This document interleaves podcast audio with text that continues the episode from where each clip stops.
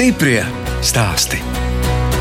Līgai māja ir te blakus. Šī ir mammas māja, un otrā pusē ir mana māja. Man kaimiņš sauc, kā iet vilnīšu ciematā. Un trešā māsā arī tepat netālu dzīvo, lēnām būvē savu mājiņu, un brālis dzīvo Rīgā.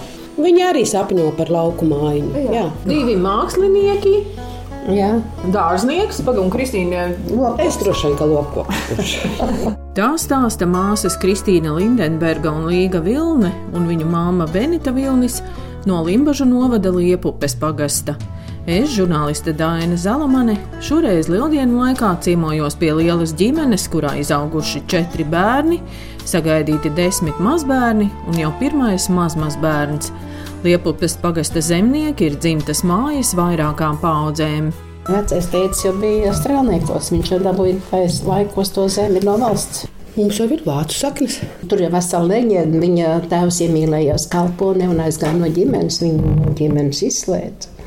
Un viņš uh, gāja bojā. Mans vecais tēvs nebija vēl piedzīvis. Viņš mežā gāja strādāt. Tāds jau kā jau tāds grāfiņš vai kas viņš tāds nu bija. Nevarēja to turēt un nomira.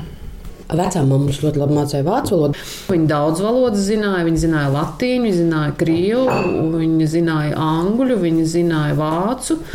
Tad viņa bija tā, kas mums arī to vācu valodu mācīja, un reizēm arī mācīja mazliet labāk nekā skolā. Tas bija tāds labs pienesums no vecās māmas. Mēs ar vīru pagājušajā gadā apprecējāmies un pieņēmām vecmāmiņas uzvārdu Lindenberga. Tieši simts gadus atpakaļ vecvectēvam Lindenbergam Latvijas valsts piešķīra zemi. Bērni arī jau ir ar vācu asinīm, jo mēs ar māsu esam arī pie vācu vīriem tikušas. 90. gadu sākumā braucām praksēs uz Vāciju. Vēl joprojām mums ir kontakti, un tā mēs tur sameklējām tos vācu puišus. Jā, īstenībā arī caur darbu tas atnāca. jo arī, darbu, jā. Kad es studēju, vajadzēja papildus naudiņas, un tad pavasarām braucu piepelnīties uz Vāciju, pastrādāt, lai varētu studēt. Man varbūt tās, tas tās nav tik rožēns. Man eh, ir divi bērni, brīnišķīgi un vācu tētis, bet uh, mums tā dzīve nesalikās kopā. Bet nu, es esmu tikusi pie diviem brīnišķīgiem bērniem, kas ir ar vācu asinīm. Man ir maziņš, divgadīgs ar vācu asinīm. Kristīnas mazā dēliņa Benjamina balsi dzirdēsiet arī intervijas laikā, bet abu māsu mamma Benita Vilnis stāsta, ka pirms četru bērnu piedzimšanas strādāja Rīgā Nacionālajā teātrī par ģērbēju. Tas bija viskaistākais laiks. Palīdzēt kostīmus uzvilkt ap Jā, sakārto un izrādes laikā ļoti bieži uz skatu ir kaut kur jāielien un jāsaģērbi. Un... Labi, jau ka es aizgāju, citā varbūt nebūtu neviena bērna. Teātris jau ierauga. Tā jau pirms izrādes skan muzika, tad jau tirpus pa muguru iet. Un vīrs ko tad darīja? Tehniskā universitāte pie skaitļošanas, kas sākās tie milzīgi lielie skati, tur viņš Viņš bija. apkalpoja skaitļošanas tehniku, un uh, tad tas viņa augstākais tituls bija zinātniskais līdzstrādnieks. Pēc tam viņš bija saimnieciskā daļā vairāk, jo tās lielās skaitļojumās mašīnas aizgāja pagātnē un sākās datortehnikas ēra. Bet nu, viņš bija arī kārtīgs saimnieks. Kad Līgai bija divi gadi, es atnācu pilnībā uz laukiem. Viņš braukāja uz. Viņš Ziemā, vasarā ar motorola reizēm. Otradienas vakarā atbrauc, trešdien, ceturtdien, piekdien strādāja. Te viens ir nepacietīgs.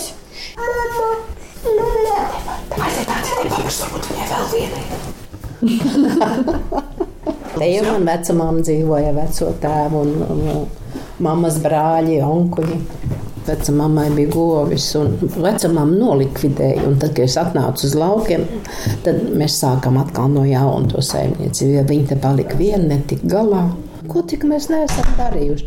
Mēs uz tirgu sākām braukt. Vienu brīdi nopirkām mašīnu, un tad gājām mežā lasījām ogas, un tad braucām uz tirgu. Tad sākām jau no mājām jāņogas, kartupeļus, visus bērnus stāv un pārdot tai tirgu. Tas laikos jau bija jau tik grūti, ka tev daudz bērnu, tad nebija jau tā rocība tik pamatīga. Māma ar tēti mūs veda uz motokrosiem, veda uz mežu. Tā toreiz arī bija izklaide, lasīt ogas visu dienu mežā. Uz ezeriem veda, pa nakti teltīs palikt, uz Igauniju iepirkties, uz Rīgu.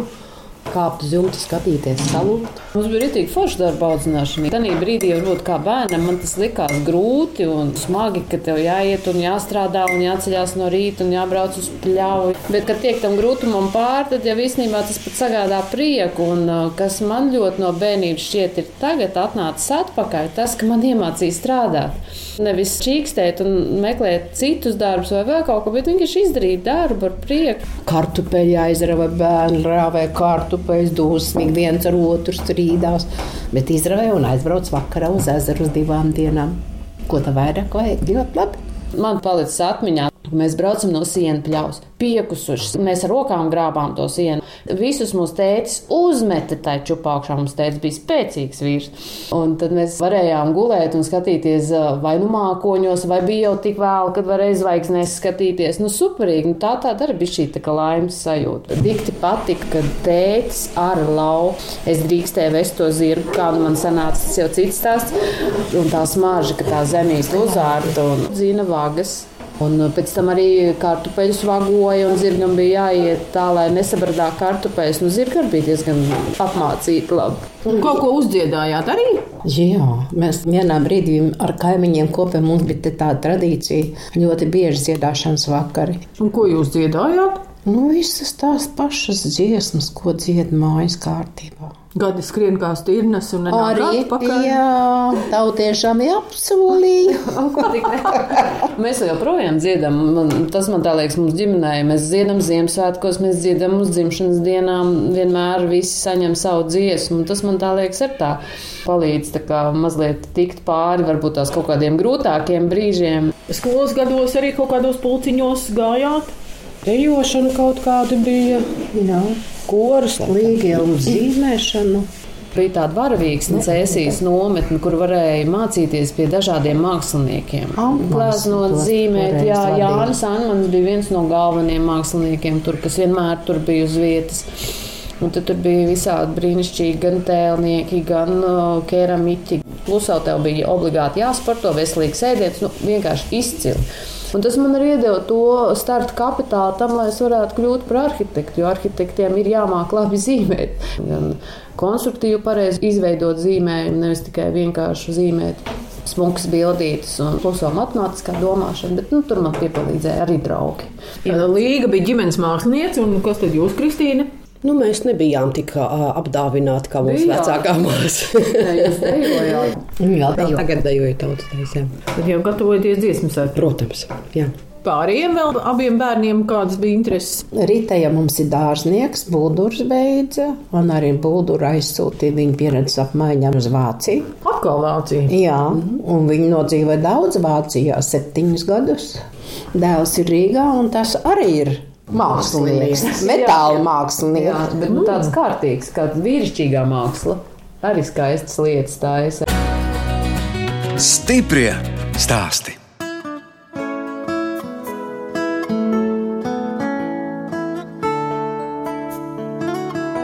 Jūs klausāties raidījumu stipri stāstī. Turpinot ciemoties pie māsām Kristīnas Lindenbergas un Līgas Vilnes, Limbažu novada Liepupes pagasta zemniekos.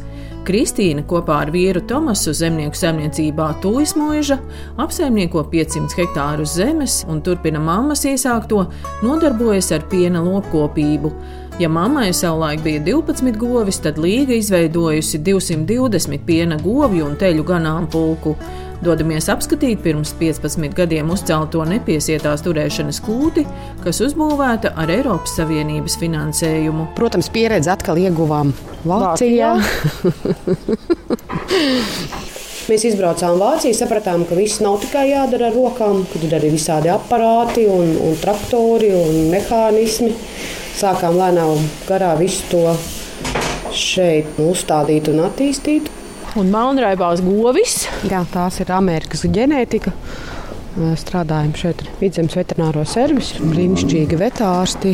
Esam tik tā nonākuši, ka vispirms domājam par gotiņu veselību, lai viņa, atrodoties šajā fermā, jūtās laimīga, mierīga, bez stresa. Tagad mums ir 11,5 tūkstoši izlaukums gadā no kolas. Un gribētu to vēl vairāk. Protams, nekad nevar apstāties. Šodien ir labi, bet rīt vajag vēl labāk. Viņas mums dzīvo visu caur gadu fermā. nav tās čaklākās gājējas, bet mēs šeit nodrošinām visu, gan svaigu gaisu, gan vēju, gan ventilāciju. Ja vajag arī karstā laikā, ir arī dušas. Un teliņa būs vecajā kūtī. Jā. Varbūt aiziesim citur trešā. Un viss visjaunākie teliņi. Nedēļa un tad mazāk dienas. Arī svaigā gaisā ārā. Tur, kur dzīvniekam visvairāk patīk. Un kā jūs to vedat pie tās mammas klāt? Nē, mamma mums ir šeit. Tur ir pupi. Ah, tiešām! 24 stundas visu laiku pienu. Viņš visu laiku iet un pa bišķīti mēne. Viņš apēd glāzi, apēd varbūt puslitru, bet tik daudz viņš var pats arī sasildīt. Nu, izskatās, ka šīs meklē, kurš pupas garšīgāks Jā, būs. jā. Pamēģina no viena, no otras, no trešā. Mm -hmm. Tās tehnoloģijas jau attīstās. Protams, jā, jā agrāk. Mācē mammai bija ferma, kur visi logi visi bija cieti, lai tikai būtu silti, nekādi vēji, nekas. Tagad šodien ir viss pilnīgi pretēji. Kristīna, bet man liekas, ka tā piena lokopība tomēr ir nozare, kurai ir jāpatīk. To nevar darīt naudas dēļ. Es domāju, jebkurš darbs, ko mēs darām, ir jāpatīk. Tomēr tā piena nozara visu laiku tur kā pa viļņiem augšā lejā. Tad atkal tā cena. Es domāju, ka tas nav tikai piena nozarē. Arī graudkopībā cenas mainās regulāri. Dotajā brīdī arī mēs esam sapirkuši dārgus minerālu mēslus, bet mēs nezinām, cik būs rudenī graudu cena. Covid laikā vispār ļoti daudz nozars tika paraustītas kaut kur uz leju. Jūs esat jau pie tā pieradusi? Jā, jā, tā nav problēma. Mēs esam iestājušies kooperatīvos, gan esam graudu kooperatīvā, esam piena kooperatīvā, un tur tās cenas tomēr ir kaut cik virs vidējā, pat gada griezumā vai divu gadu griezumā. Mēs sanākam kooperatīvā kopā un lemjam, vai attīstamies, investējamies, paplašinamies. Tas ir pa kooperatīvu? EPIM. Mēs esam apvienojušies Latvijas kooperatīvas ar Igaunijas kooperatīvu kopā un esam izveidojuši Eiropas pirmo starpvalstu kooperatīvu. Tagad ceļam Igaunijā jaunu piena pārstrādes rūpnīcu, kas būs ļoti automatizēta, robotizēta. Līdz ar to arī šī piena cena varēs būt augstāka nekā teiksim, vecajās pienotavās, kur ir ļoti liels roku darbs. Kāpēc tad jūs vēl darbojaties kā mājražotāji? Mēs gribam ēst uh, tīru, veselīgu produktu paši jau. Visi mūsu ģimenē, darbinieki, kaimiņi. Mēs gribam cilvēkiem, kas dzīvo šeit laukos, piedāvāt produktu, kas ir vietējais, kas ir no šejienes. Kas nav kaut kur transportēts, vests, pārtaisīts, pielikts visādas neviselīgas vielas. Jā, Jā. lai jūs zināt, ko jūs ēdat. Jā, mums ir ražošanas cehs, kurā strādā ļoti smaidīga, brīnišķīga meitene. Tace, kas tiek ar visu galā, pati saražo, pati visu nopārdod un vēl tad jūs sestdienās. ražojat? Krējumu, biespienu? Saldo krējumu, skābo krējumu, biespienu, kefīru, jogurtu ar dažādām ogām, kas ir pārsvarā visas tikai šeit vietējās, vai no vietējiem dārziem, vai iepērkam no cilvēkiem, kas mežā salas odziņas. Dažādus sierus, uz Jāņiem ir īpaši, protams. Mums ir visur palīgi, un 11 cilvēki esam mēs kopā, jā, 11 darbinieki. Ar darbiniekiem problēma nav. Nē, nav. Darbinieki ir stabili. Nu, katram ir savi plusi, katram ir savi mīnusi. Mēģinam ar visiem sadzīvot. Kādreiz vajag pabārt, kādreiz vajag uzslavējumu.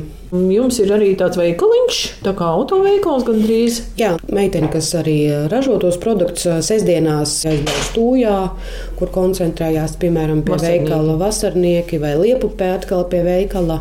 Kur atkal sanāk cilvēki, kas vēlas kaut ko iegādāties. Maršruts ir pie cilvēkiem uz mājām, nu, pārsvarā tie ir pensionāri. Kāda 15 km attālumā tālāk mēs nebraucam.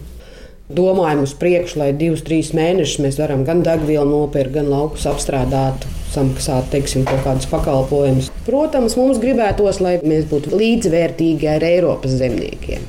Ne mēs platību maksājumus saņemam tādus kā visā Eiropā. Ne mūsu teiksim, tās pašas piena, graudu vai gaļas cenas ir tādas kā Eiropā. Vismaz, lai mēs būtu vidējā līmenī, es domāju, ka tur vajadzētu vēl Briselē pacīnīties. Un otrs kooperatīvs, kurā mēs esam, ir graudu kooperatīvs. Tas ir uh, Vaks. Nu, tas ir. Valmierā, Jā. un tā, tur Jā. mēs arī esam ļoti stabili. Cik jums tie graudi ir? Kādās Eh, platībās? 350 hektāri. Tagad uz doto brīdi mums arī ir uh, transporta pakalpojumi. Mums ir divas smagās mašīnas, kur mēs atkal papildus varam kaut ko nopelnīt. Vasarā ejam arī citiem zemniekiem palīdzīgā ar traktoru tehnikas pakalpojumiem. Grozamies visur, kur var. Mēs arī tīram ziemā Pašvaldības, pašvaldības ceļos sniegu. Jā. Bet otra māsa, arhitekte Līga Vilne, dzīvo laukos un attālināti strādā arhitektu certificēšanas centrā. Tur es vienkārši esmu eksperts. Es izskatu arhitektu lietas, veicu piecgadu pārbaudas kopā ar kolēģiem. Tās prasības ir adekvātas, un lielākā daļa jau viņas ir izpildīta. Nu, vienīgais, ka arhitekta cena mazliet ir sarukusi, bet nu, es ceru, ka jaunieši mūs papildinās. Un plus vēl es praktiski gāju pati kā arhitekts. Tagad mazliet esmu paslēgusies no tām privātmājām un aizgājusi vairāk uz kaut kādiem uzņēmumiem, uz ražošanām. Tā mēs varam teikt, ka jums šeit laukos ir tāda maza hobija saimniecība ar dažiem zirgiem un trīs kaziņām un, un trucīšiem. Jā, tas ir uh, mans hobijs, kas pārauga vairāk tādā jēgpilnā izpratnē. Ja tas būtu mans hobijs, tad man būtu viens zirgs, ar kurus dodos izjādēs. Tas nav viens zirgs, bet četri. Jā, un četri, un es pat arī veidu sporta akadēmijā treneru tālāk izglītību, lai es to varētu darīt uh, oficiāli. Un tā skoliņa ir tā, tāds mans, es gribētu teikt, nodeva tam, lai bērniem arī laukos būtu iespēja uzkāpt zirgā. Un mums ir ļoti jauka biedrība ar ļoti tādiem aktīviem biedriem. Mēs varam izbraukt uz pilsētas svētkiem, uz pagastu svētkiem. Tūjā ir tirgus dienas, un tad mēs bērnus pavizinām. Tad vēl bērniem ir iespēja tikt uz sacensībām. Teiksim, mēs izbūvējam jāšanas laukumu, tagad no jauna bērna varētu droši jāt, jo uz pļavas droši ir tikai tad, kad ir sauss laiks. Biedrība investē, lai atjaunotu segumu, savidas miltus, izlīdzināja to laukumu, un mans viņoties vīrietis uzbūvēja sētu. Nu, visādi tie darbiņi darbiņu, ko es kādreiz teicu, kad es varu, es īstenībā nevaru. Un ir vajadzīga tā vīrišķā puse, līdzsvaram jābūt. Dodamies apskatīt četrus līgas zirgus. Sava zirga prīmes mugurā līga ir apceļojusi Latvijas robežu. Prīma, nu naču, prīma, naku, prīma.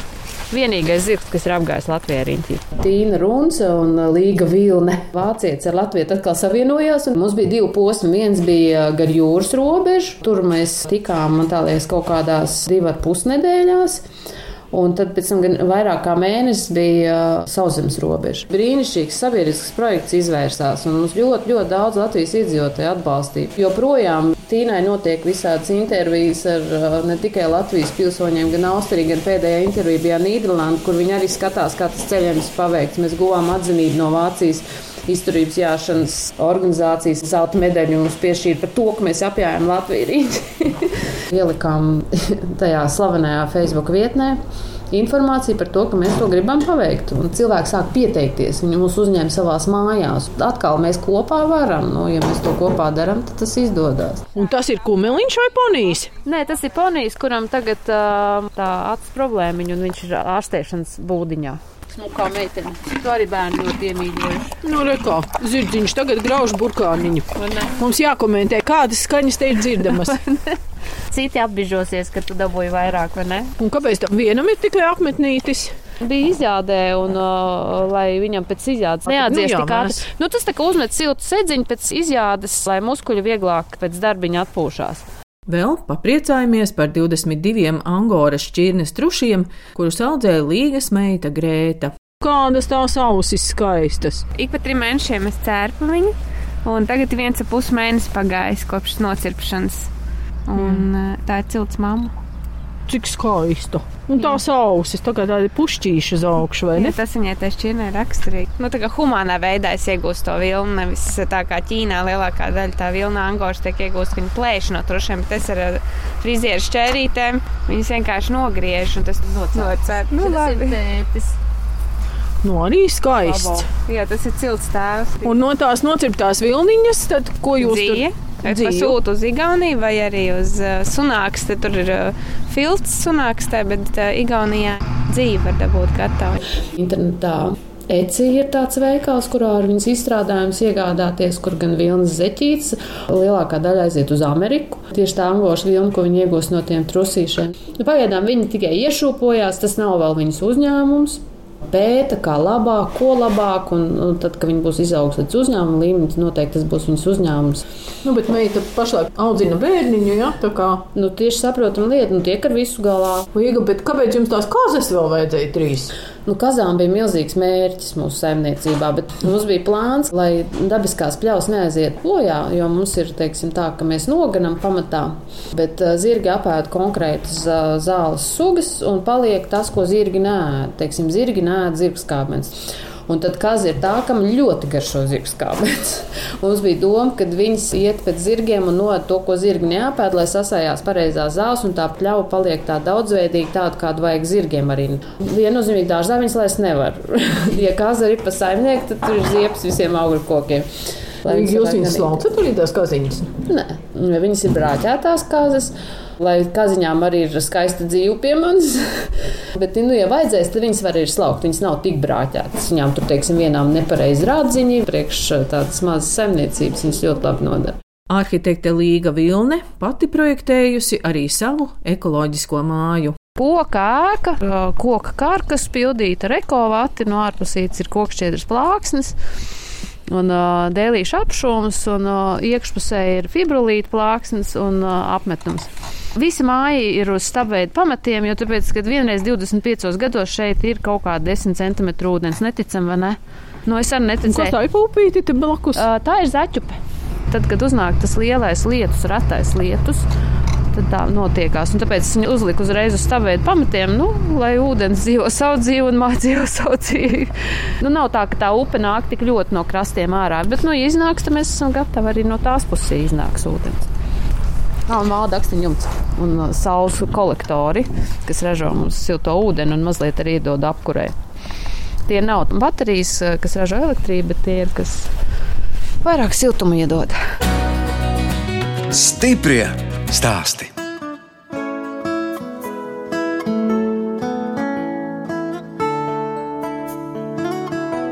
Jūs klausāties redzējuma stipri stāstī. Turpinot ciemoties pie māsām Kristīnas Lindenbergas un Līgas Vilnes, Limbažu novada Liepupes pagasta zemniekos. Mēs runājamies vecās mājas plašajā virtuvē, kur saimnieko māsu māma Benita Vilnis. Kas te ir palicis no vecās mājas, te jau viss ir pārbūvēts. Ja? Jā, jā. Te bija virtuve un te aiz muguras bija istaba. Ir palicis pats būtiskākais vecās mājas dvēsele. Un tā vieta, kur vecā māma, vecāks māma ir atstājusi to dzimtas spēku, kas turpinās.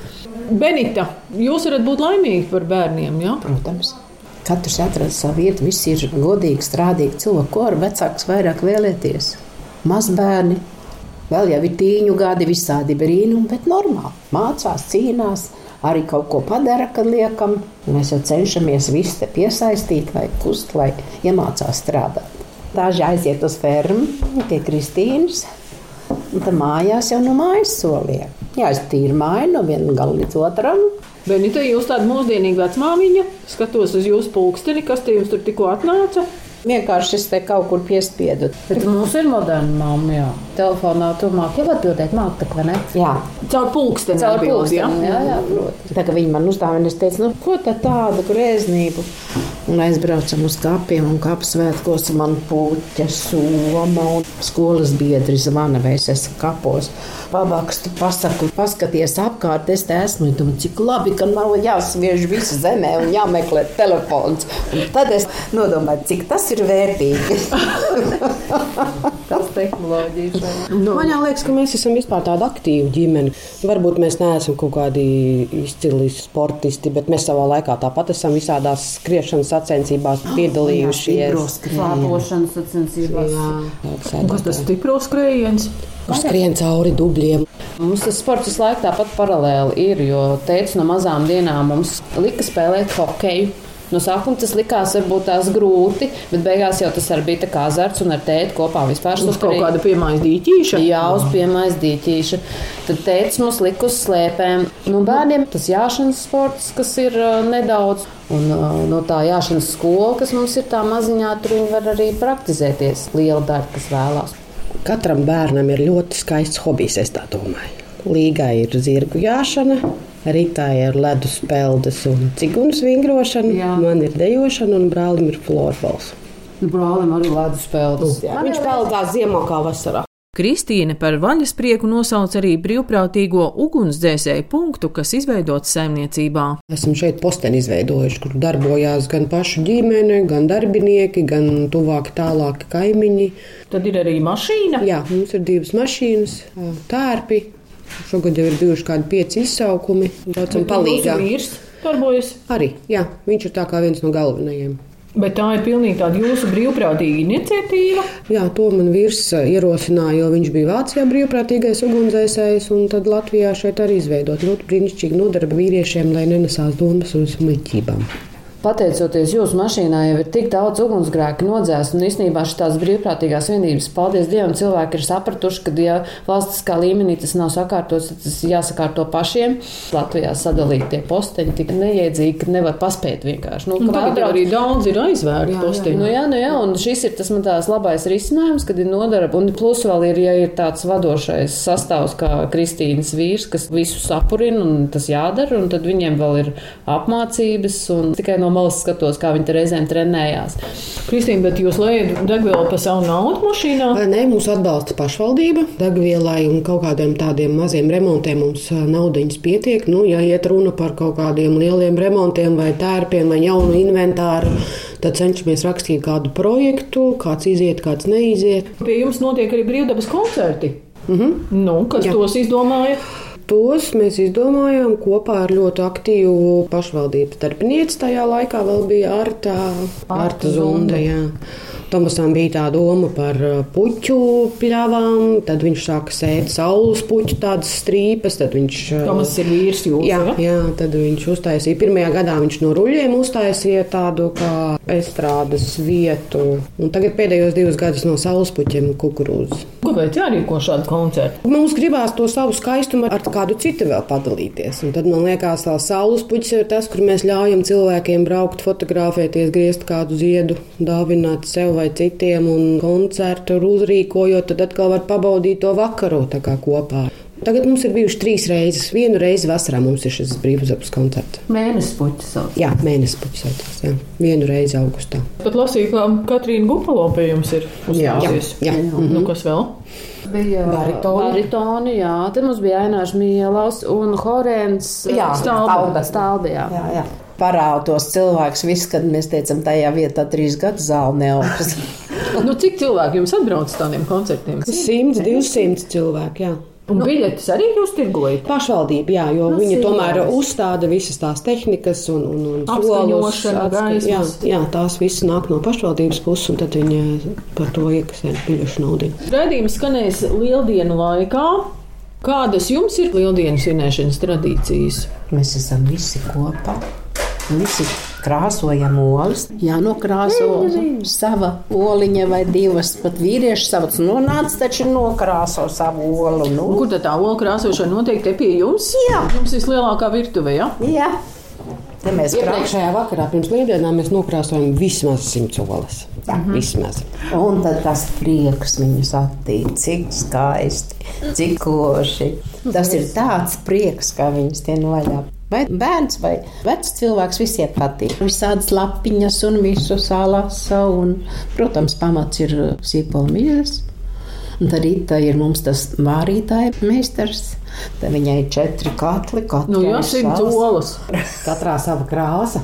Jā, bet aizmirst pašu galveno. Manus mamma cep brīnišķīgs pīrāgs. Tāda nav nekur.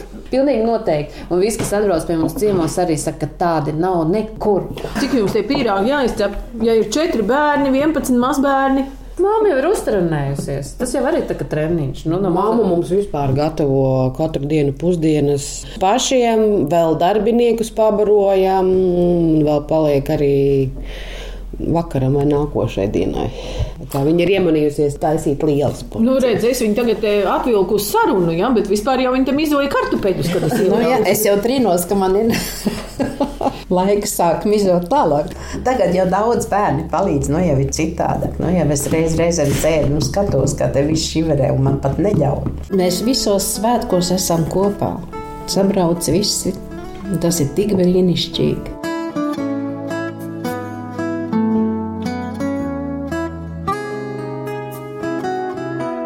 Radījums stipri stāst izskan, un mēs atvadāmies no māsām Kristīnas Lindenbergas un Līgas Vilnes un viņu mammas Benitas, kas dzīvo Limbažu novada Liepupes pagasta zemniekos.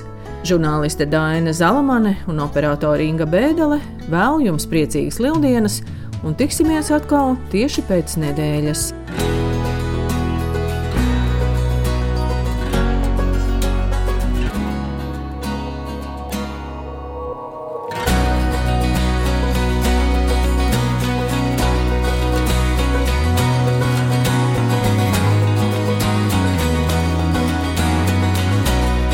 Stiprie stāsti.